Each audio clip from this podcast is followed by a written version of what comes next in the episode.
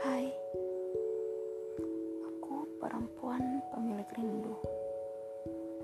Hmm, tahu kenapa saya suka dengan rindu?